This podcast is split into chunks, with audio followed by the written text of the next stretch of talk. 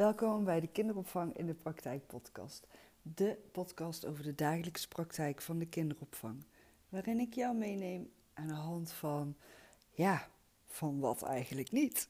Aan de hand van de kinderen, het pedagogisch handelen, het samenwerken, het pedagogisch beleid, het leiding geven aan een team, motiveren, inspireren van een team, uh, coachen, pedagogische coaching, coachend leiding geven.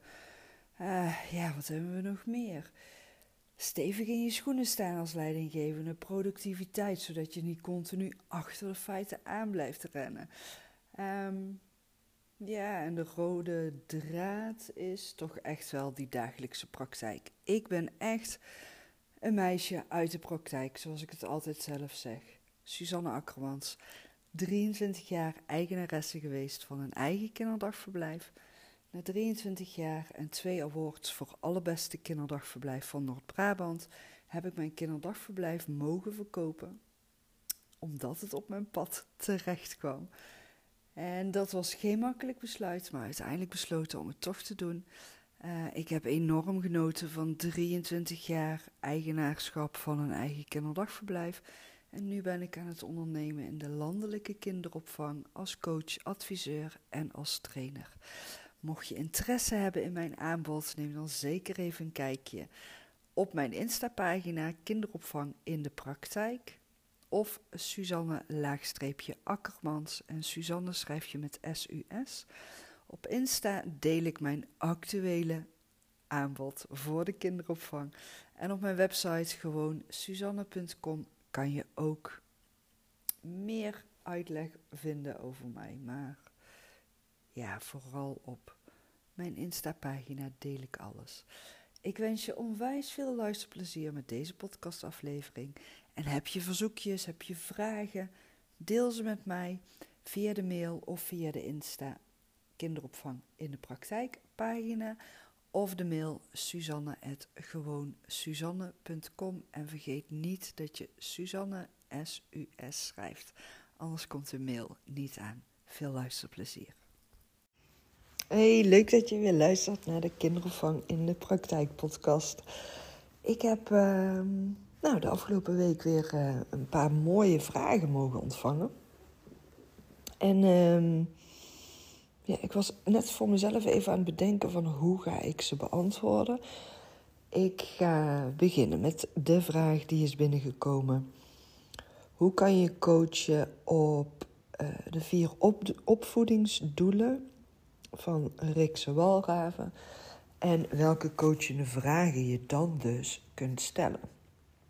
Ik vond het een hele mooie vraag, want het mooie is um, om die opvoedingsdoelen te kunnen realiseren, heb je de interactievaardigheden nodig.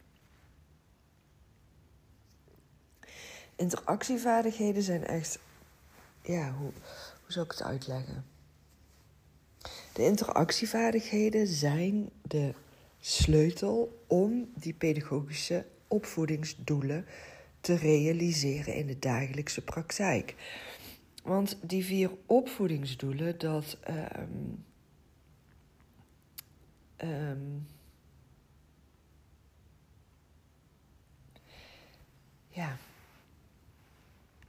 je realiseert ze door daar sowieso aandacht aan te besteden, bewust van te zijn. En ik zit even te denken, omdat dit sluit ook weer aan op de andere vraag die ik binnen heb gekregen. En die vraag gaat over hoe kan je nou pedagogisch beleid implementeren en uh, pedagogische medewerkers daarin meenemen.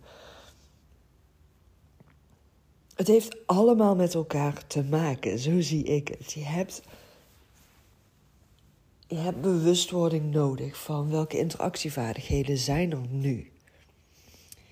En van mij hoeven pedagogische medewerkers dat echt niet uit hun hoofd op te dreunen. Maar um, ja, het is wel heel erg belangrijk dat ze weten wat ben ik nu aan het doen en welke invloeden heeft dat op de ontwikkeling van een kindje, maar ook um, ja, welke doelen kan ik door mijn handelen realiseren ten aanzien van de kinderen, dus ten aanzien van die pedagogische kwaliteit. En wanneer je dus weet, oké, dit zijn de vier opvoedingsdoelen van Rixo Walraven. Dus dan kom je weer even terug op um, bieden van emotionele veiligheid, gelegenheid bieden voor het ontwikkelen van persoonlijke competenties, gelegenheid bieden voor het ontwikkelen van uh, sociale competenties, overdragen van waarden en normen. Uh, en als je dan dus gaat kijken naar, ik probeer hem even helder uit te leggen. Als je dan dus gaat kijken naar die interactievaardigheden, de zes, uh, dus sensitief responsiviteit, dus die emotionele ondersteuning kunnen aanreiken voor het kind. Signalen van het kind in zijn behoeftevraag opmerken.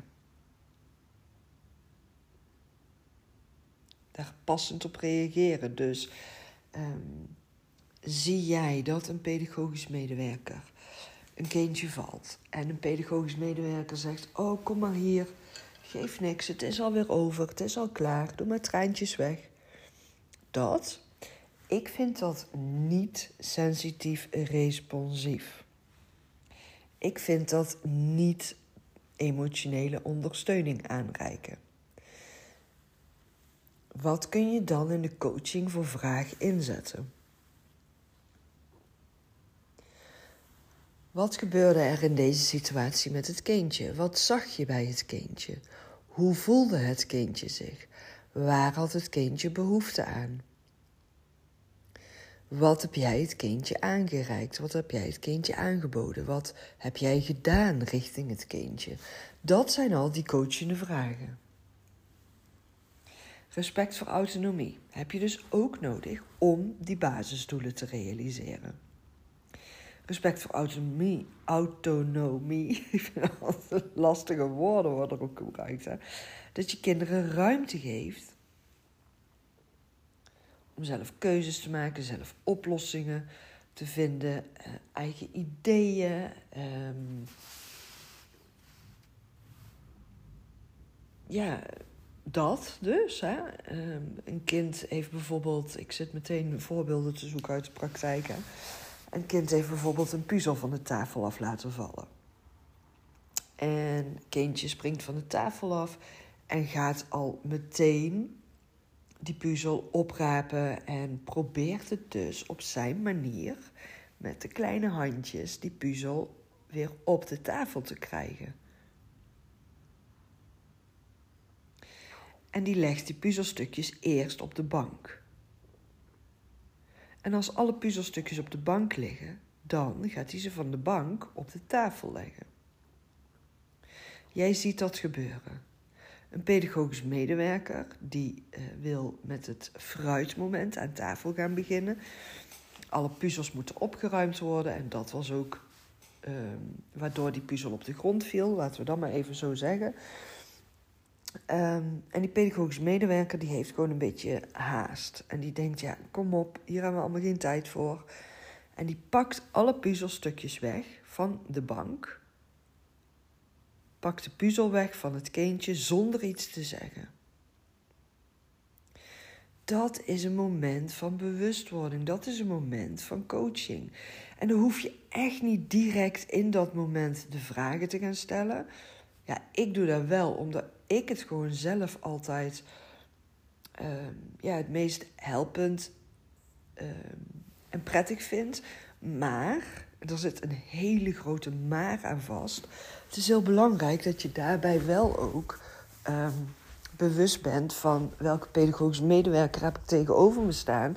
En hoe gaat deze pedagogische medewerker reageren als ik meteen hier een coachende vraag op inzet.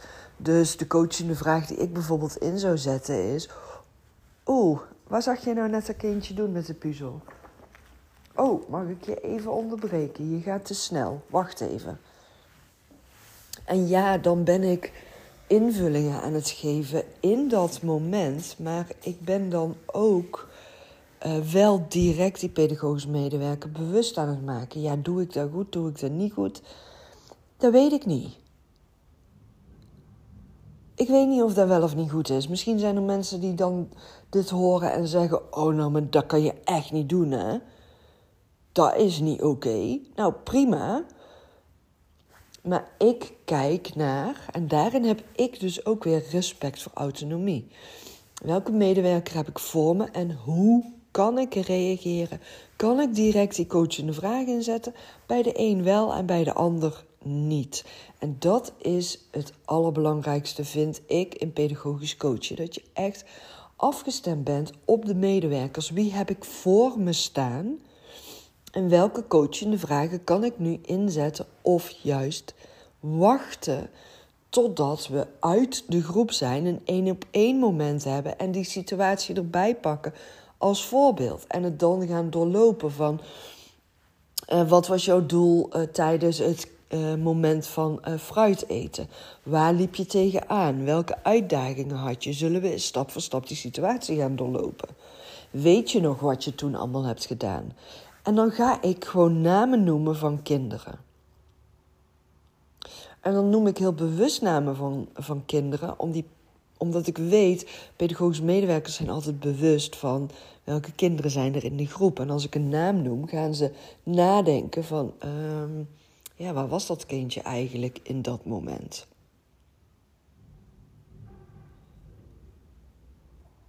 En dat is al een vraag die je kan stellen. Dat is al een coachende vraag. Waarmee je richting die opvoedingsdoelen gaat. Waarmee je richting die interactievaardigheden gaat. En je kunt dan dus ook meteen die koppeling maken naar hoeveel respect voor autonomie had jij ingezet tijdens het opruimen voor het fruitmoment. En ik ben dan ook echt iemand die dan de vraag stelt: weet je ook wat respect voor autonomie inhoudt? Kun je dat aan mij uitleggen?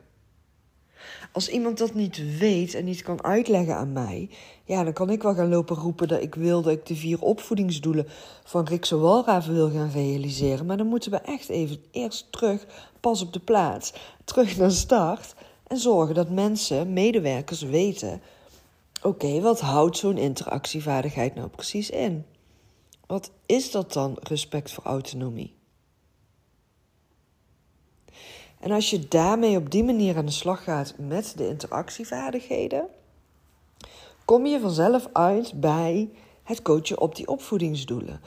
Zoals ik het zie, alles wat jij aan coachende vragen inzet, zijn te herleiden naar de opvoedingsdoelen. Die beschreven staan in het pedagogisch beleid. Nou, en dan is dus de vraag: hoe maak je medewerkers bewust van die opvoedingsdoelen? En dat is weer een andere vraag. En daar ga ik jou morgen verder in meenemen. Dankjewel voor het luisteren. Heb je vragen? Je kan ze naar me mailen. Suzanne.com En Suzanne schrijf je S-U-S, anders komt de mail niet aan. Of je stuurt me een uh, berichtje op Insta kinderopvang in de praktijk. Dankjewel voor het luisteren. Ik zou het enorm waarderen als je mij ook een waardering wil geven. En dat kan je doen via Spotify, kan je gewoon sterren geven. En via iTunes kun je een geschreven review geven of ook nog uh, sterren en ook nog sterren geven.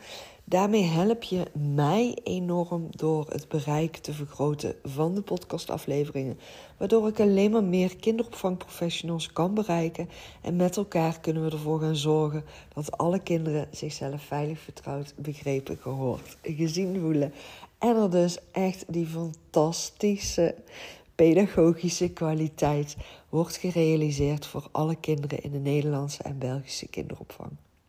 Dankjewel voor het luisteren en heel graag tot morgen. Doei doei.